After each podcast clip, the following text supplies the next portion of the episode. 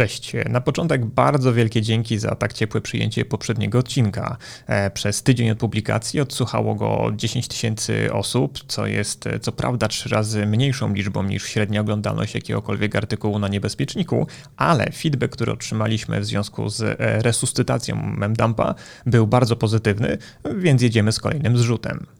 Dla tych, którzy podsłuchują nas po raz pierwszy, przypomnę, że Memdump to cotygodniowy przegląd najważniejszych informacji, które z różnych powodów nie załapały się na dedykowany artykuł na niebezpieczniku. Na początek e, w tym tygodniu zaczynamy od nowych informacji dotyczących włamania do Twittera, link 1.1. Przypomnijmy, że ktoś przejął konta znanych osób i tweetował z nich e, adres portfela bitcoinowego, prosząc o wpłatę i obiecując odesłanie podwójnej wartości wpłaconej kryptowaluty. Wedle raportu Twittera dotyczącego analizy z incydentu, link 1.2, atakujący zaatakowali 130 kont, ale tylko do 45 zresetowali hasło, zalogowali się na nie i przejęli nad nimi kontrolę. Kim są atakujący? Brian Krebs twierdzi, link 1.3, że za włamaniem stoi 21-letni Brytyjczyk studiujący w Hiszpanii, Joseph James Connor, Niestety, wygląda na to, że Brian po raz kolejny zdoksował złą osobę.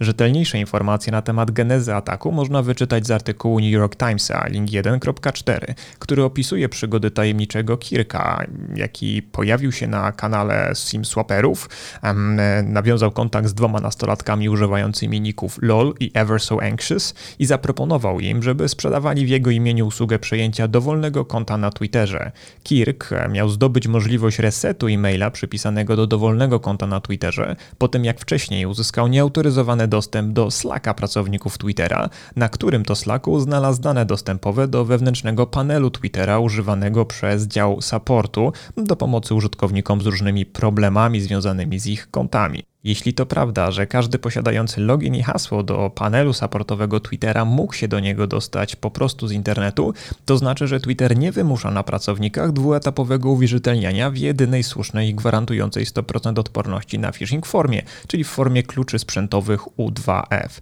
To by wyjaśniało, dlaczego implementacja kluczy U2F na Twitterze jest taka zrypana.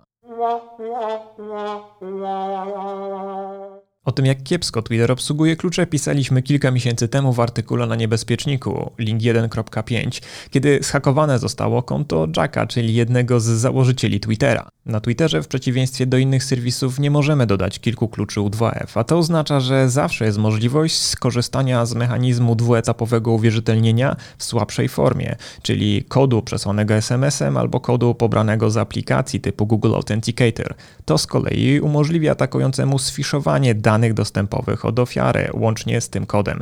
Zastanawiacie się, jak to możliwe? O tym, kiedy, jak możliwe jest obejście dwuetapowego uwierzytelnienia i na czym dokładnie taki atak phishingowy polega, pokazywałem w ramach naszego darmowego webinaru link.16, który dotyczył tego, jak zabezpieczyć swoje konta nie tylko na Twitterze przed włamaniami. Polecam obejrzeć samemu i podesłać każdemu znajomemu link do tego webinara, zanim będzie za późno.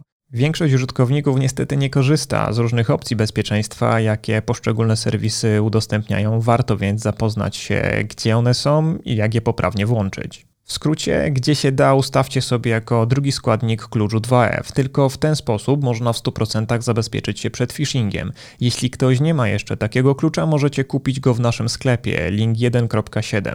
Kodu zniżkowego tym razem nie będzie, bo klucze są w naprawdę dobrej cenie. Ze swojej strony polecam kupić dwa klucze, wszędzie dwa klucze ustawić, jeden nosić przy sobie, a drugi z kluczy traktować jako zapasowe, zawsze trzymając go w bezpiecznym miejscu w domu. Taki klucz to także świetny prezent dla nawet nietechnicznych osób, na przykład rodziców. Po prostu trzeba z nimi przejść wspólnie konfigurację klucza w danym serwisie lub zrobić to za nich, a potem pokazać, że podczas logowania muszą raz na jakiś czas taki klucz włożyć w port USB i dotknąć. Tyle. E, I koniec ze stresem, że ktoś schakuje Facebooka mamy albo skrzynkę e-mail taty. Wracając do Twittera, wisienką na torcie było ujawnienie screenshotów panelu supportowego. Pokazały one, że Twitter po cichu cenzuruje niektórych użytkowników. Tweetnięcia takich użytkowników nie są pokazywane w wynikach wyszukiwania ani w trendach. Podsumowując, wszystko wskazuje na to, że ataku dokonała grupa nastolatków, a nie rządowych hakerów. Na używany przez włamywaczy portfel bitcoinowy wpłynęło około 12 bitcoinów, co stanowi kwotę w przeliczeniu na złotówki około pół miliona złotych. Jasne, jak na 60 minut ataku to jest to całkiem niezły przychód, ale kiedy przypomnimy sobie, że przejęcie w 2013 roku konta Associated Press na Twitterze i tweetnięcie, że w Białym Domu nastąpił wybuch, spowodowało wyparowanie z giełdy ponad 130 miliardów dolarów, no to efekt takiego ataku na Twittera wcale nie jest spektakularny. Ale chyba powinniśmy się z tego cieszyć, bo patrząc na to, jakie konta przejęli atakujący, a przejęli konta m.in. Ilona Muska, Billa Gatesa czy Baracka Obamy um, i to, jak bardzo niektórzy ludzie wierzą politykom czy celebrytom piszącym na Twitterze, no to mogło skończyć się nie tylko na stratach finansowych, ale na wywołaniu nawet jakiegoś konfliktu. Co ciekawe, w wyniku tego ataku nie przejęte zostało konto Donalda Trumpa i wiele osób zastanawia się dlaczego. Prawdopodobnie konto Donalda Trumpa ma dodatkową ochronę, gdyż w 2017 roku jeden z pracowników Twittera, który nie do końca zgadzał się z poglądami Trumpa, postanowił zrezygnować z pracy i przy okazji dokonać mojego sabotażu. Deaktywował on konto Donalda Trumpa i być może tamten incydent spowodował, że od tamtego czasu konto obecnego prezydenta, przynajmniej to konto, jest w inny sposób chronione i nie ma do niego dostępu nawet z panelu zarządzania kontami użytkowników, do którego dostęp uzyskali atakujący. Zapamiętajcie więc, że wasze konta na cudzej platformie nie są wasze. Nawet jeśli ktoś ma białego ptaszka przy awatarze na Twitterze, czyli jego konto jest zweryfikowane, to nie oznacza to, że zawsze korzysta z niego ta sama osoba, której zdjęcie czy imię i nazwisko widzimy w opisie konta. Co więcej, okazuje się, że byle pracownik Twittera mógł podejrzeć e-mail i numer telefonu dowolnego użytkownika konta na Twitterze.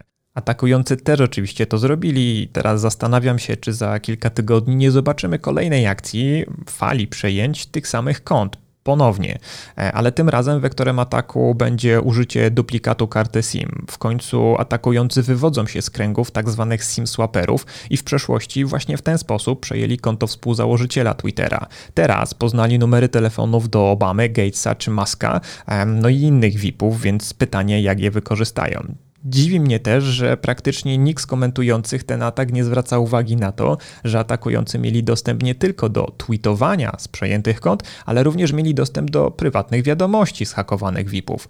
E, obstawiam, że informacje, które tam podejrzeli i być może wykradli, mogą być warte zdecydowanie więcej niż 12 bitcoinów. Kto wie, e, może teraz właśnie oferowane są one na sprzedaż konkurentom biznesowym lub politycznym poszczególnych ofiar i być może nawet cały ten atak miał na celu właśnie pozyskanie prywatnych rozmów i numerów telefonów ważnych osobistości, a sam skam, z bitcoinem był jedynie zasłoną dymną.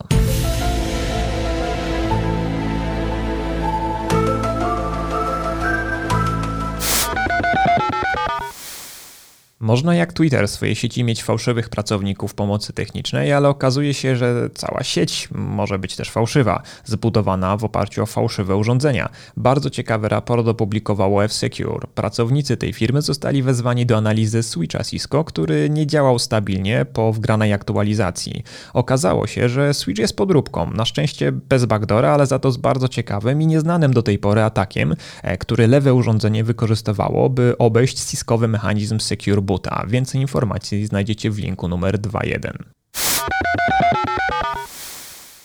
Pozostajemy przy fałszerzach i raportach. Cyber R&D Lab opublikował bardzo ciekawy raport na temat klonowania kart płatniczych, opisujący ponad 50-letnią już technologię paska magnetycznego i historię powstania specyfikacji EMV.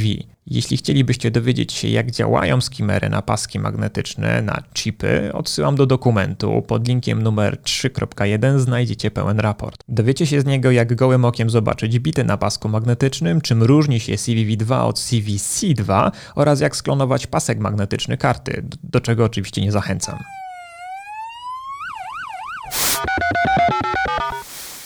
Gdyby jednak ktoś chciał sobie taki kloner do kart zrobić, albo czujnik ruchu, albo domowy system monitoringu, albo podrobionego switcha Cisco, to warto bliżej przyjrzeć się Raspberry Pi i akcesoriom do tego maleństwa. O malince zapewne wielu z Was słyszało, ale tutoriale dla różnych malinkowych rozwiązań często zakładają, że ktoś już co nieco ogarnia w temacie. Dlatego jeśli jesteście całkowicie świezi, świezi? Nowi w temacie, to polecam wprowadzenie do Raspberry Pi dla absolutnego początkującego. Znajdziecie je pod linkiem 4.1. W tym opracowaniu zauważycie, że wytłumaczone zostały różnice w systemach operacyjnych, które można na malince odpalić, e, różnice sprzętowe pomiędzy poszczególnymi płytkami, e, a także przygotowanie Raspberry Pi do nauki Linuxa lub programowania albo sterowania różnymi zewnętrznymi czujnikami. Idealna lektura dla tych, którzy chcieliby troszeczkę zinformatyzować swój dom w oparciu o IoT. Chociaż to nigdy nie jest dobry pomysł. Z taniej elektroniki przechodzimy do bardzo drogiej elektroniki. Elcomsoft, firma zajmująca się pozyskiwaniem danych z zablokowanych urządzeń z systemem iOS, przeanalizowała zmiany w nadchodzącym systemie iOS 14 związane z funkcją Significant Locations, czyli funkcją miejsc, w których często bywamy wedle naszego telefonu. Okazuje się, że dane, które do tej pory były przechowywane tylko lokalnie na urządzeniu i tracone przy odtwarzaniu urządzeniu z backupu, teraz wraz z backupem pojawiają się z powrotem na urządzeniu, ale nie ma ich w backupie. Skąd się biorą? Nie powiem skąd, wymyślcie swoją teorię spiskową, a potem przeczytajcie artykuł, który znajdziecie pod linkiem 5.1 musi być symetrycznie. Utarliśmy nosa Apple, utrzyjmy nosa Androidowi. University of Cambridge opublikowało Android Device Security Database, czyli serwis, który jest zbiorem e, opisującym w szczegółach, jak poszczególne modele telefonów, smartfonów z Androidem e, trochę odstają od iPhone'ów, jeśli chodzi o patch level i inne elementy bezpieczeństwa.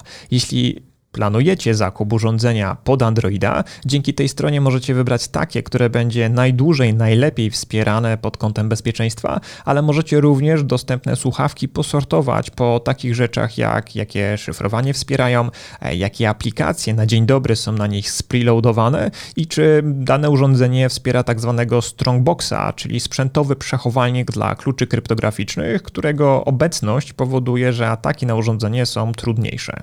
Thank you. Skoro już jesteśmy przy temacie braku wsparcia i bardzo słabych rozwiązań dotyczących bezpieczeństwa, dwa słowa o aplikacji Protego Safe, a raczej słów kilka tysięcy ustami Tomka, link 7.1. Aplikacja nie spełnia swojej roli i co nie powinno Was dziwić, prawie nikt z niej nie korzysta, a z tych co korzystają, prawie nikt nie oznacza się jako osoba zainfekowana.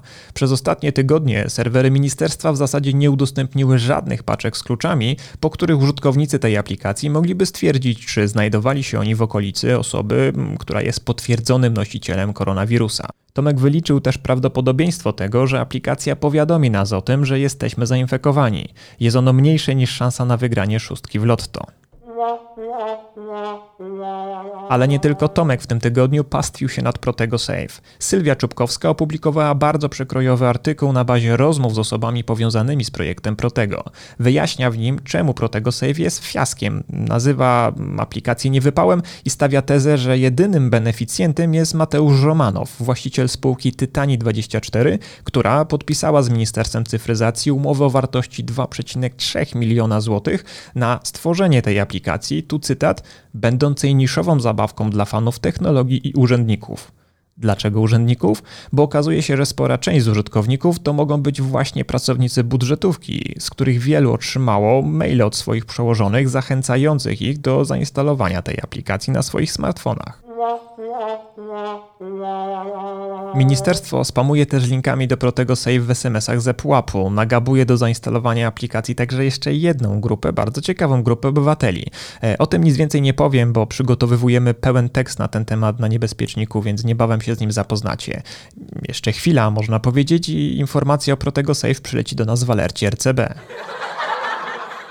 Tomek i Sylwia oraz wiele innych osób zastanawiają się, czy nie nadeszła już pora, aby dać sobie spokój z Protego. Zwłaszcza, że projekty dotyczące aplikacji kontakt tracingowych w innych krajach też za wiele do tematu ochrony przed e, koronawirusem nie wniosły. Artykuł Sylwii dotyczący Protego Save znajdziecie w notatkach do odcinka pod numerem 7.2.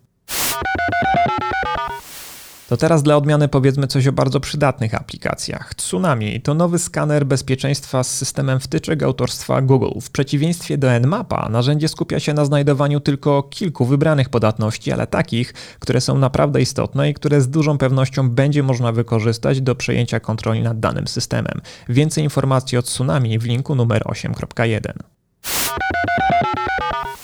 Między innymi z tych podatności, które znajduje Tsunami, korzystają różne grupy rządowych hakerów w przeprowadzonych przez nich operacjach. E, rzadko bardzo badacze mogą obserwować działania takich grup na żywo, ale w przypadku irańskiej grupy czarujących kotków, tak naprawdę tak się nazywają, e, czyli zespołu APT-35, było to możliwe, bo rządowi hakerzy zostawili w internecie niezabezpieczone materiały wideo, które jak się okazuje wykorzystywali do szkolenia swoich nowych członków zespołu.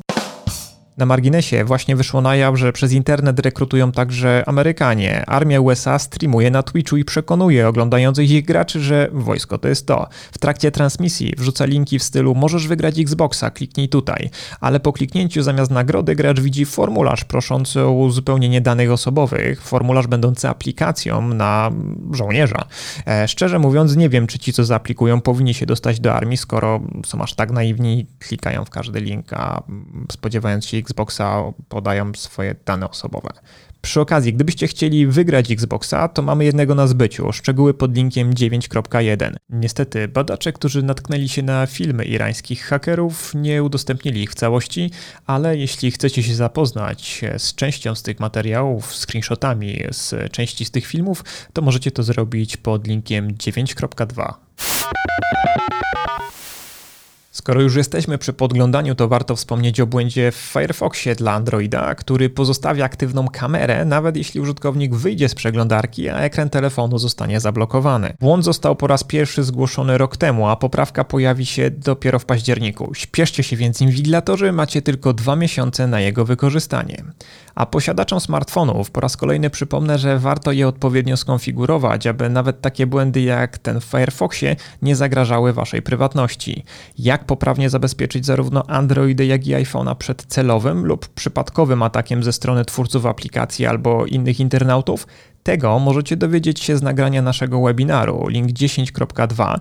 Pokazujemy w nim nie tylko jak poprawnie skonfigurować smartfona, skonfigurować system operacyjny na smartfonie, ale przechodzimy też przez kilka przydatnych zewnętrznych aplikacji, które nie tylko podnoszą bezpieczeństwo i prywatność korzystania ze smartfona, ale zabezpieczają również dane, które na nim się znajdują przed wyciekiem. Psst. Jeśli podacie kod memdump, nagranie możecie zobaczyć w niższej aż o 40 zł cenie, ale śpieszcie się, bo tym razem kod jest ważny tylko i wyłącznie do wtorku 21 lipca. I tą przerażająco dobrą ofertą chciałem zakończyć 14 wydanie Memdumpa, ale pod myszkę właśnie wpadło mi coś jeszcze bardziej przerażającego. GPT-3, czyli w uproszczeniu nowe wcielenie sieci neuronowej do generowania tekstu. Kevin Lucker postanowił przetestować GPT-3 testem Turinga. Szczegóły pod linkiem 11.1. W skrócie, nasz koniec jest bliski. Na pamięć, kicha na dyski, tacka wyjeżdża, koniec jest bliski.